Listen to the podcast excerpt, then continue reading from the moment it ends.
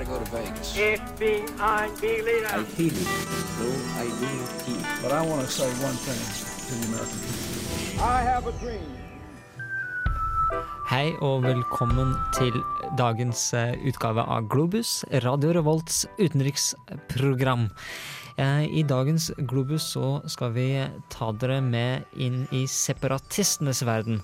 eh, Og kikke litt på forskjellige separatistbevegelser, historisk og nåværende. Eh, Som eh, slåss for sin frihet, eh, iallfall det de mener er sin frihet rundt omkring i verden. Vi skal også se litt på hva som er de siste utenriksnyhetene som har skjedd den siste uka. Nå får du Tudor Cinema Club med Settle. Two-Door Cinema Club Settle her på Globus. Det skjer stadig noe ute i verden. Halvparten av det, nei, mer enn halvparten av det, er egentlig ganske fælt. Stemmer ikke det, Oskar? Ja, kanskje det. Ja. Eh, og presidentvalget i Georgia, var det forrige uke det var? Eller? Ja, det var vel sist, sist onsdag, om ikke tar feil. Mm. Eh, sittende president ble kasta, og vi fikk en ny mann. Og eh, det, du kan kanskje si at han er ny på ganske mange måter? Eh, ja, nå må jeg bare, bare si en ting. Det var ikke presidentvalg, det var, det var Det parlamentsvalg. Parlamentsvalg. Så vi har fått en ny statsminister, kan vi vel, kan vi det der Det stemmer. Presidenten sitter fortsatt, Han sitter fortsatt. mens eh, partiet hans eh, ble kasta. ja, Fra, fra flertallet, altså. fordi president Saakashvili, han eh, har nå sittet Han sitter sin andre periode, kan ikke sitte flere perioder. Nei.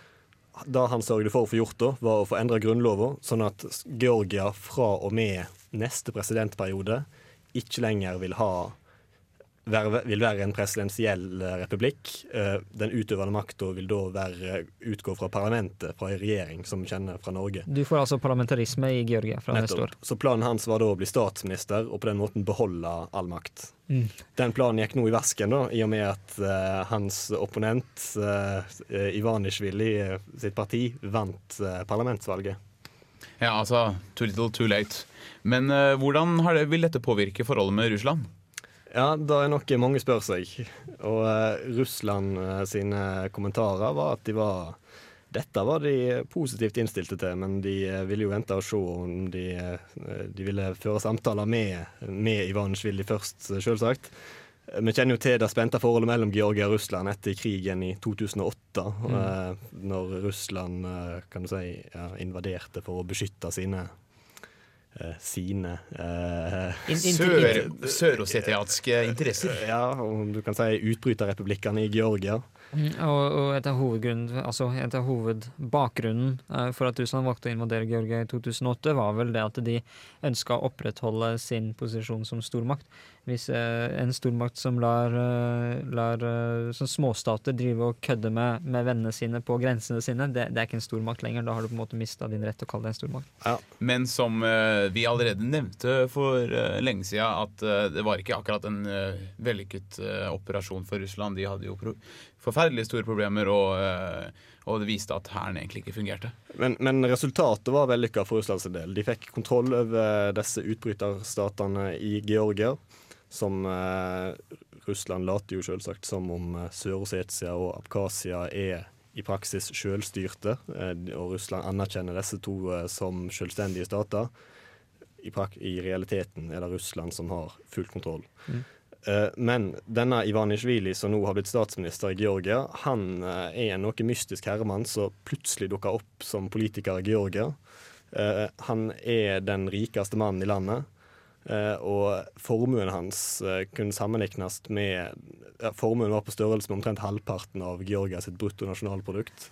Han har tjent pengene sine i Russland på 90-tallet. Eier- Har en eierandel i Gazprom. Og russiske styresmakter påstår at de aldri har hørt om han før. Men det, Altså, ja, Det betyr jo, som jeg tipper du skal si nå, Sigmund, at eh, han må ha en eller annen slags kontakt da med Eller i hvert fall en positiv forhold med Russlands offisielle. Uh, det er for det, så, sånn som jeg ser det, at eh, med en gang du har en, en mann som har laget formuen sin i Russland, eh, så vil ikke han være ukjent for russ russiske styresmakter. Antageligvis er han en, en venn av regimet, for vi husker hvordan det gikk med disse såkalte oligarkene ikke sant? når Putin tok, tok makta i 2000. Eh, det første han gjør, er å kaste ut alle motstandere. Eh, og arrestere veldig mange av dem eh, for korrupsjon. Og, jeg skal ikke si at disse ikke var korrupte, for det, en del av dem var antageligvis fryktelig fryktelig korrupte. eh, og noen jævler som fortjente å bli satt i fengsel, men, poenget var at han tok kun de som ikke støtta hans regime. ikke sant? Mm. Så det du da har, er en mann som man ikke kjenner så mye fra før av, som kom, har tjent pengene sine i Russland. Uh, og ikke bare det, men alarmklokkene mine går av litt når, når russerne sier at uh, vi er positive til, til, til dette skiftet. Da. Eh, det skal bli veldig interessant å se den eh, politikken som Georgia kommer til å legge seg på utenrikspolitisk uh, framover. Mm. Mm. Eh, Ivanisjvili var jo òg ganske heldig under valgkampen, om vi kan eh, bruke den type ord. For eh, eh, i, i passende avstand før valget, et par uker eller rundt der, så eh, ble det offentliggjort en video som viste veldig brutale eh, menneskerettighetsbrudd i et eh, fengsel i Georgia, annet. Eh, president Saakashvili har blitt kritisert for, for den type menneskerettighetsbrudd før, men han har påstått at det kjenner iallfall ikke han til. Eh, mens når dette her har blitt spredd, så har det skapt mye negativ oppmerksomhet rundt eh, han, nettopp fordi han bl.a. har benekta at sånt finnes da. Eh, og en del av uh, Saakashvili sine menn mener at den videoen nok, uh, nok er ekte, men at det er russiske krefter som sørger for å få den offentliggjort på rett tidspunkt. Mm, nettopp. Uh, russiske russiske eh, interesser som prøver å, prøver å styrke seg Georgia. Eh, vi skal gå videre, ta litt eh, Kanskje gå litt gjennom et par andre nyheter, eh, internasjonale nyheter. Først så får du Leonard Cohen med 'First We Take Manhattan'.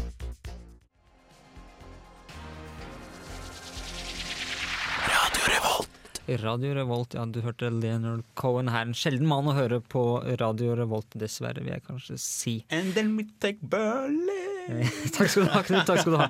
Eh, vi skal bevege oss litt grann, eh, lenger sør og vest eh, for eh, Georgia, fordi det er en gang sånn at Vi her i Globus vi kommer ikke helt unna Midtøsten. Det virker, vi prøver og prøver, men det virker som vi blir dratt tilbake. Eh, fordi før helga så ble Tyrkia eh, bombardert. De eh, fikk eh, et par granater, eh, og faktisk tyrkiske statsborgere har blitt drept av, av syriske granater skutt over grensen. Dette er ganske alvorlig, Oskar. Ja, av flere grunner. Tyrkia er jo et Nato-land. Eh, dette her medfører jo at eh, Tyrkia kan eh, kreve hjelp mm. hvis de vil da. De tok jo De sa de ville bruke paragraf fire i Nato-traktaten, som går på det at de føler seg trua av en annen stat. Mhm. Hvis de hadde brukt paragraf fem, så hadde det vært som de hadde følt de hadde blitt angrepet av en annen stat. Da har Nato en plikt til å svare, svare ikke sant? Det, er det, det, er det, her, de, det er forskjellen på de to paragrafene. Så. Og, og Tyrkia svarer jo på angrepet som om det er et bevisst angrep fra Assad-regimet mot Tyrkia. Mm. Da er det jo selvsagt ikke. Antageligvis ikke. Nei, Assad har jo ingen interesse av å skaffe seg flere fiender. Eh, Eh, eneste, jeg, har kommet på et lite alternativ. Det eneste er at hvis han har et Hitler-syndrom, da, sånn som Hitler i 1941, om at det, han, det noen mener at eh, han føler nå at det, det går så dårlig, så da kan jeg like godt trekke Nato inn i det. Kanskje jeg overlever.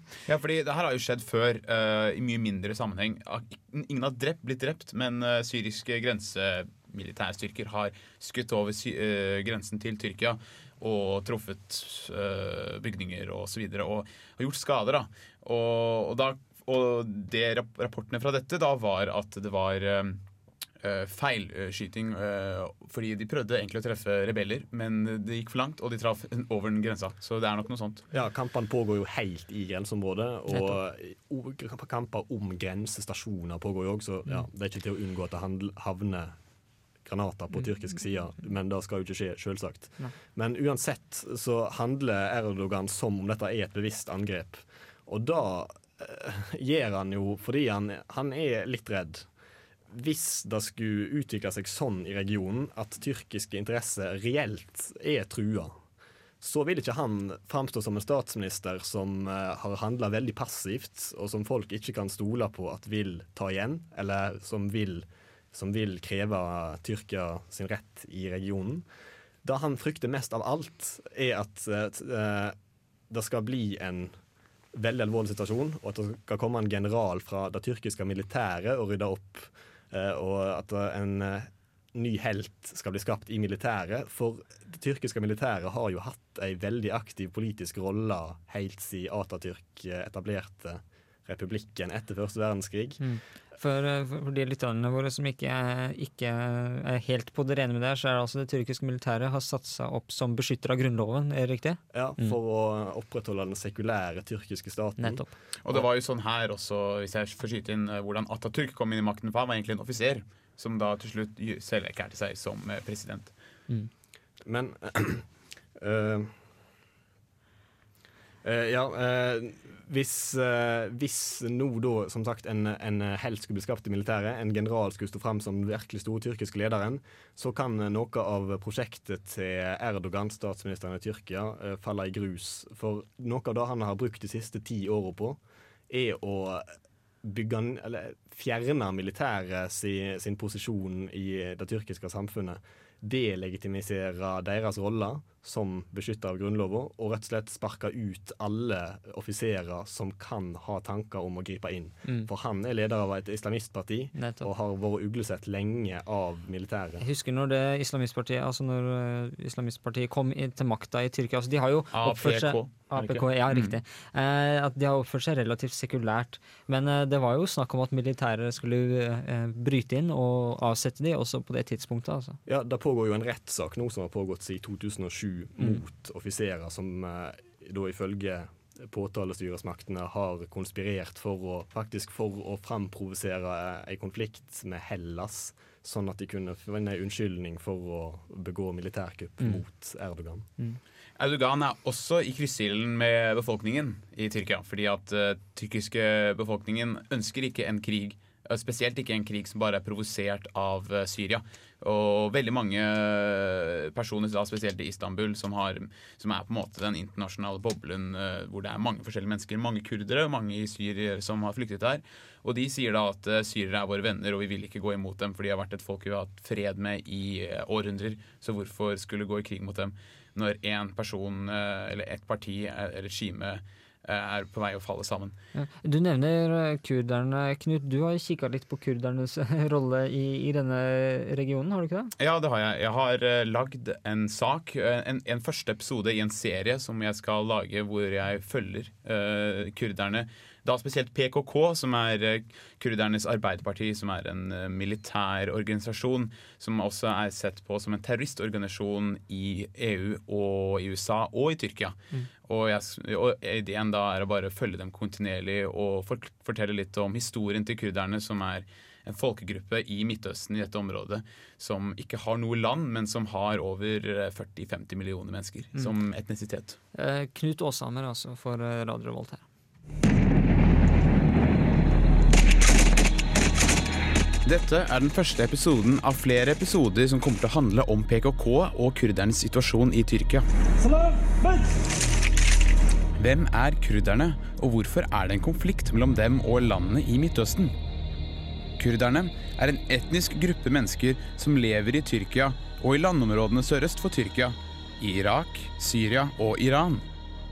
I sør-øst av Tyrkia og i grenseområdene mellom disse landene har den kurdiske befolkningen blitt trakassert og stemplet som kriminelle helt siden Tyrkia ble en sekulær republikk, og før det.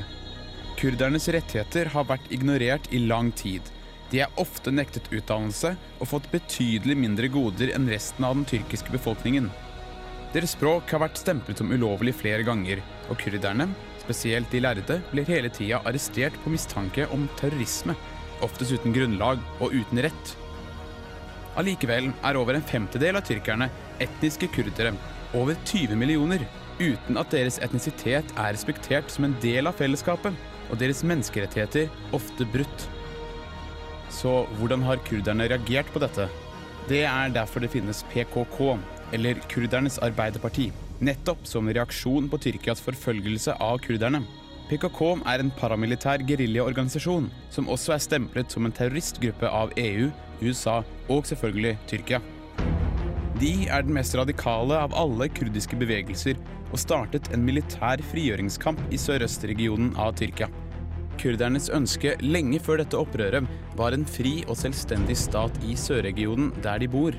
Men tyrkiske myndigheter har aldri støttet dette forslaget. Derfor så PKK den eneste muligheten å kjempe seg til egen stat, noe som de håpte ville tvinge tyrkerne til å gi etter i deres krav. Dette har holdt på helt siden 1984, og konflikten har tvunget over 100 000 sivile i flukt til indre steder i Tyrkia, og med titalls tusen døde. Men hva er situasjonen til PKK i dag? Hva er regjeringens stilling til denne stadig aktuelle konflikten? I dag kjemper PKK fortsatt innbitt og opererer fra baser i høyfjellene i Nord-Irak rett utenfor den tyrkiske grensen. Den tyrkiske hæren har kontinuerlig forsøkt å nedkjempe de kurdiskholdte områdene uten noe gjennombrudd i sikte. Men PKK har forandret målet med kampen. Fra å kjempe for en selvstendig stat til politisk og menneskerettslig likestilling mellom kurderne og tyrkerne. I tillegg har den tyrkiske regjeringen det siste tiåret aktivt forsøkt å bli en del av EU, og har derfor trappet ned forfølgelsene av kurderne og tillatt språket i det offentlige for å nærme seg de vestlige forventningene til landet. Dette var i hvert fall tilfellet for bare noen få år siden. Og hva med den kurdiske befolkningen? Selv med framskrittene og forhåpningene for bare et par år siden, har situasjonen siden tiårsskiftet gått bare nedover. Det som startet med en lysere framtid for kurderne og anerkjennelse av deres kultur fra AKP-regjeringen, et svært konservativt og delvis islamistisk parti, har i det siste snudd på hælen og gått kraftig tilbake med integreringsprosessen. Kurderne blir igjen behandlet som annenrangsborgere med begrensede muligheter, og ikke minst fare for sitt eget liv hvis de yter sin mening. Situasjonen er også det samme i nabolandene. Kurdiske flyktninger føler seg svært utilpasse i Tyrkia, og er konstant redde for flere forfølgelser fra politiet. Det er bare én av mange grunner for at PKK stadig blir sterkere, og situasjonen for å forhandle en fredelig løsning til konflikten blir stadig verre.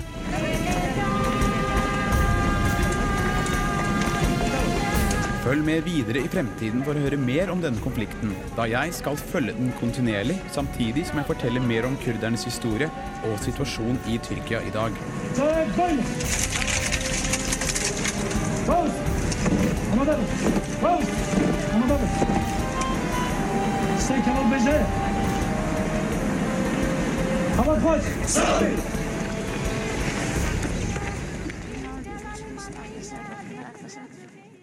var altså Knut Aashammer som eh, fortalte oss eh, litt om eh, PKK og kurderne i, Tyrkia. Hva er situasjonen til, til PKK nå? Tjener de på den store uroen som har vært i, vært i regionen de siste, de siste tiåret? Det er veldig, et veldig godt spørsmål.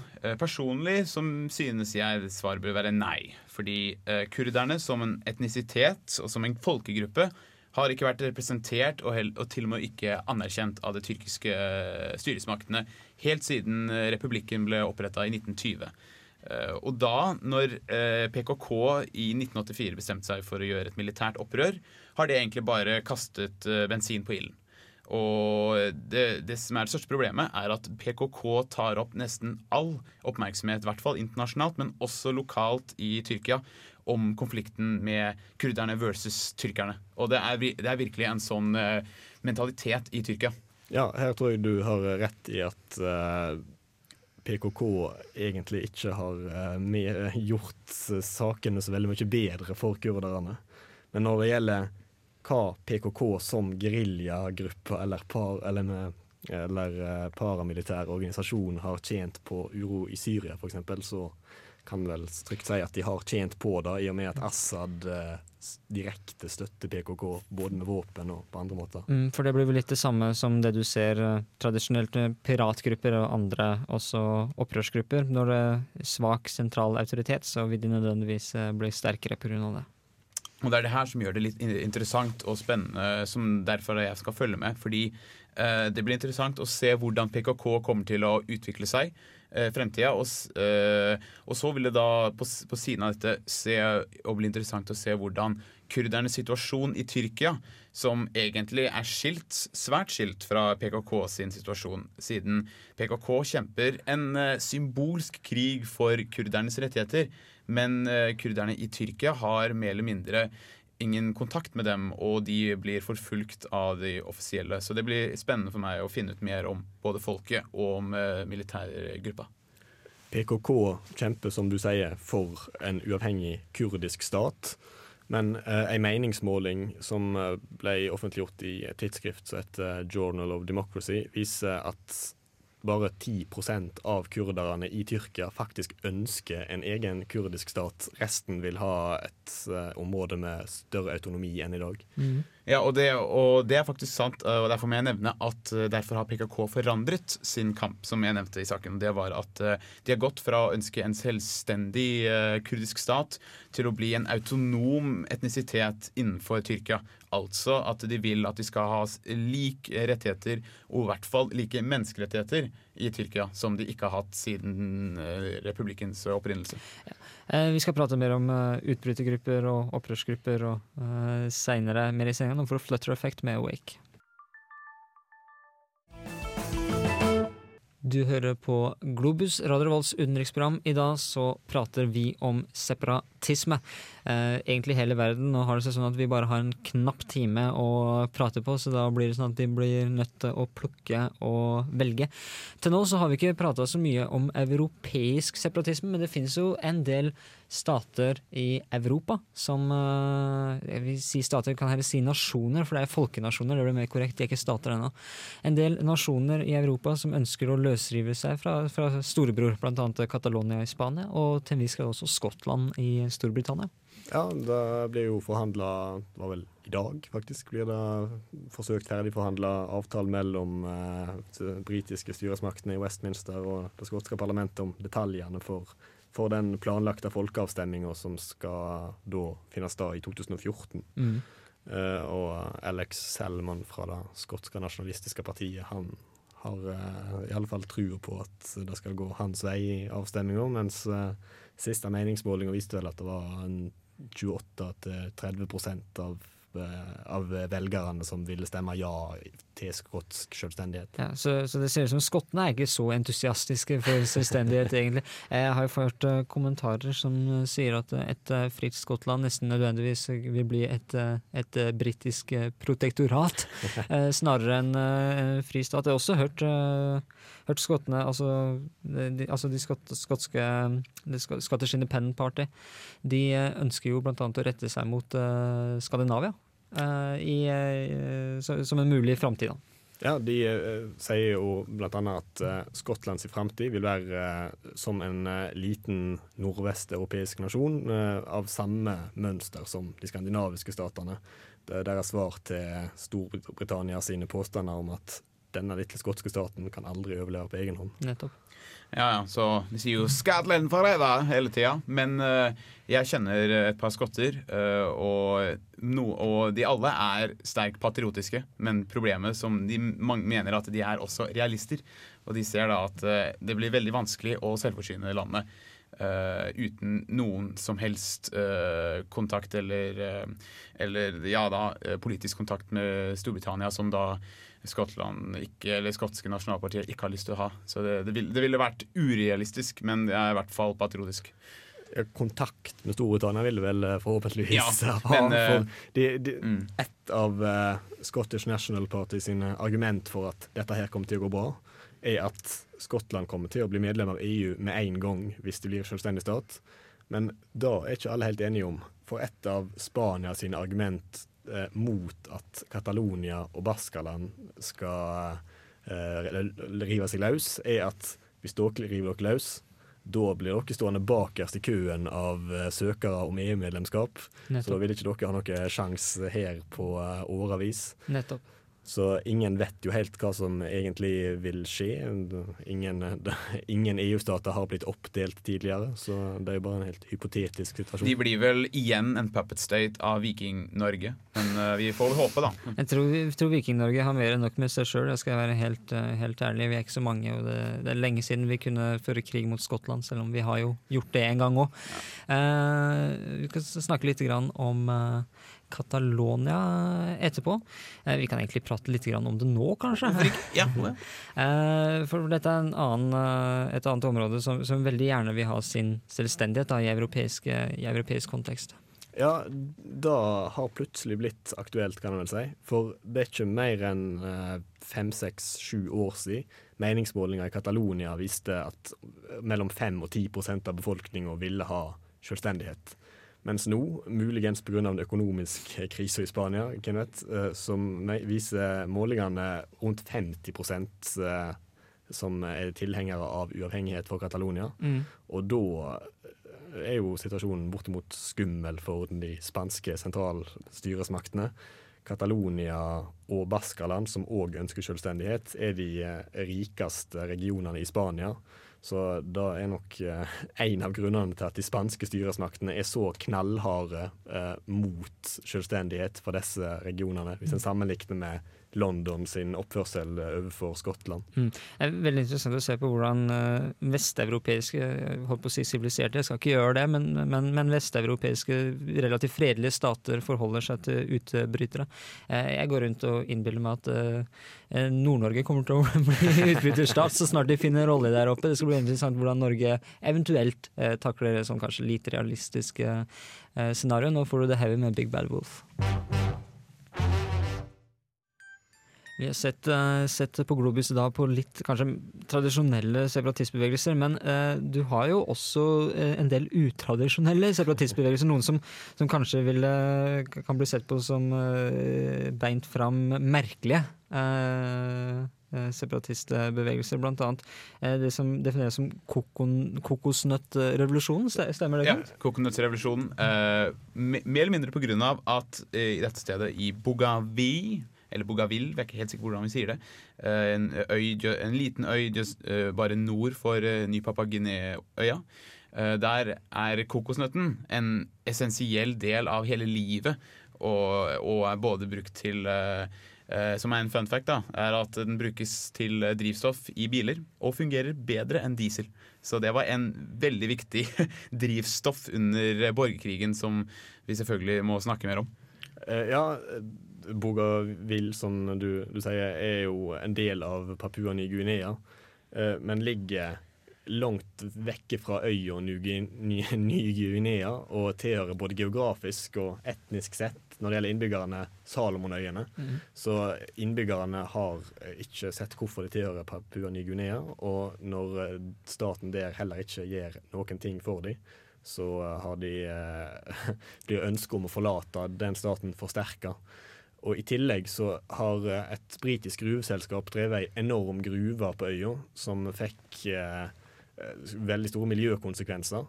Styresmaktene i Papua Ny-Guinea ville selvsagt drive den videre for, eh, for, på grunn av inntektene den gav. Eh, men innbyggerne på Bogovi eh, de ønsket ikke å drive den videre selv om de fikk pengene. De ville heller bevare naturen og miljøet, fordi deres tradisjonelle levemåte er jakt og sanking. Mm. Ja, og eh, på, i tillegg da, med Bougainville, noe som ikke vi nevnte for dere som vet, at Salomonøyene er jo i sin egen stat. Og, eh, men likevel så er ikke de en del av uh, Salomonøyene. Og uh, dette med at uh, denne gruveindustrien som ødelegger regnskogen, og regnskogen og Eh, jordene og alt jordbruksområdene er på en måte livet da, til eh, denne øya, fordi denne øya er helt uh, avhengig av seg selv. Og den ble spesielt avhengig av seg selv da Papua Ny-Guinea blokkerte uh, alle forsyninger til denne øya i sin kamp da, på å knekke moralen, så de ville slutte å, å fortsette med denne borgerkrigen.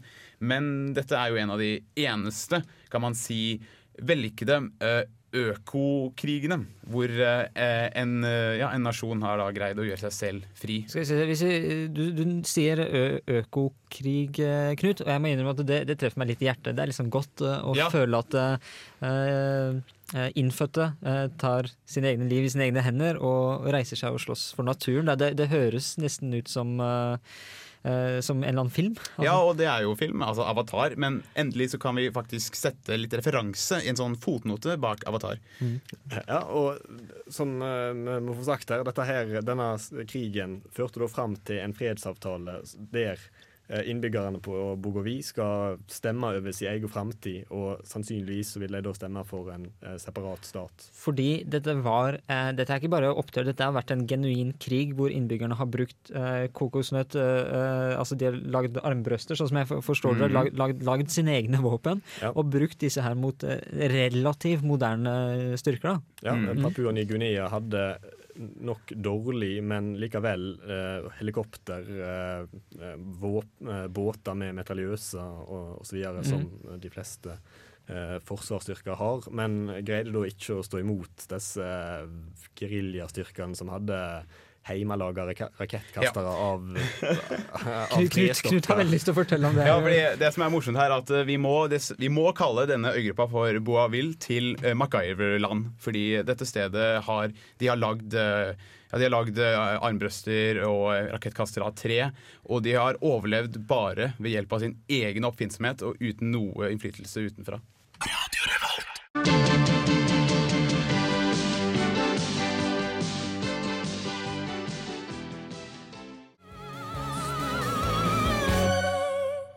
My Brightest Diamond her på Radio Revolt. Du, du, du, du, du, du, du, du, du. Du er gira du etter, etter, etter de der eh, indianerfolka, Knut.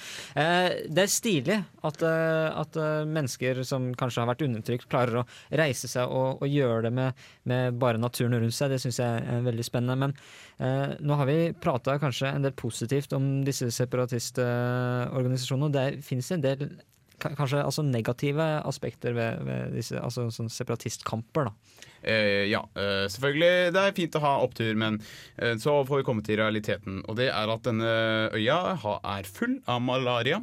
Den har mer eller mindre null infrastruktur. Det er ingen veier. Når det, og det er eh, full fuktighet og ikke sant, monsunregn hele tida. Og hvis noen blir syke, så har de ikke noe sykehus. Dette er kanskje et symptom på, på en del av disse, disse separatistbevegelsene. Ja, eh, denne øya som vi snakket om nå, Bogovi, de er jo for øyeblikket en del av Papua Ny-Guinea. Det er jo en av de fattigste statene i, eh, om ikke verden, så i alle fall i denne regionen som vi snakker om. Eh, så, men det finnes jo Så det finnes verre eksempel, for å si det sånn. For eksempel Ny-Caledonia, som som òg ligger borti hogget der. Det ligger nordvest for, eh, for Ny-Guinea. Er jo en del av Frankrike som det er i dag. Mens der skal det være folkeavstemning det er vel i 2014 eller 2015 om de skal løsrive seg. Og da eh, vil du i enda større grad få eh, et land som går fra å være en del av eh, en stat med store økonomiske muskler, til noen som står helt på bar bakke. eh, for det er en kjensgjerning at eh, mange av disse statene, disse nye statene som dukker opp, de er fryktelig små, med veldig lite naturressurser og kanskje større befolkningstall enn det, det, det befolkningsgrunnlaget det territoriet faktisk har. Da. Altså, ja. Ja, og I tillegg så er det en liten uh, fransk populasjon som, uh, som er fra Frankrike, men som har bestemt seg for å bosette seg på Ny-Kaledonia. Ok, Nå snakker du om Ny-Kaledonia. Ja, Ny- Ny-Caledonia. Og eh, problemet er at de stemmer imot løsrivelse fra Frankrike. Og sannsynligvis fordi at de vet hvor viktig Frankrike er som, eh, som at de er deres som et protektariat av Frankrike. Eh, ikke for å være stygg, men hører om et ekko fra Algerie. Kanskje, kanskje, kanskje Frankrike, Frankrike liker ikke å slippe fra koloniene sine. Det skjønner jeg jo, de var jo en stormakt den gang. Eh, skulle kanskje ønske at de fortsatt var det. Er det egentlig til en viss grad? Det er bare at USA ligger så himmelhøyt over alle andre stormakter. Kjensgjerning som veldig få kanskje er klar over. Frankrike har en minst like stor hær som det Russland har. Og en Mm. mer moderne hær enn det Russland har. ikke sant? Samme har- Storbritannia. De har en av verdens mest moderne hærer, men de har ikke nok penger til å utstyre hele hæren deres med den teknologien. Ja, kanskje, kanskje ikke hele, men, men en god del Frankrike har en relativt eh, moderne her. Uh, prate litt grann, Globus nærmer seg veldig eh, slutten nå, men, eh, men eh, vi eh, tenkte eh, Kosovo. Det at eh, disse, disse småstatene ikke helt har livsgrunnlag. Eh, det er kanskje noe du ser der spesielt. Eh, og eh, Eh, Det er en kjensgjerning da at det kanskje ikke alltid er like lurt å gi disse statene eh, den friheten de ønsker seg. Nei, i, i det tilfellet så er det vel en situasjon der det er helt åpenbart at eh, at uh, Kosovo altså ikke ønsker å være en del av Serbia etter Vi kjenner jo til historien med krig og etnisk rensking der. Men uh, de får nok problem, som du sier, må stå på egne Økonomiske Økonomiske problemer, de har ikke Ja. grunnlag. ikke sant? Eh, Globus da er eh, ferdig. Da hører du 'Ghost of the Red Cloud' med The Flower Kings. I studio så har du hørt Sigmund Grønli Bolme. Knut Åshammer, Åske Kjetland Rabben. Vi kommer tilbake neste uke. Kanskje Vanja er med der. Hun har tatt seg ferie nå. Det går ikke an når du er student. Det syns jeg er helt, eh, helt skandaløst. Eh, Du hører iallfall mer fra Globus neste uke. Håper du hører på oss da. Ha det bra fra oss.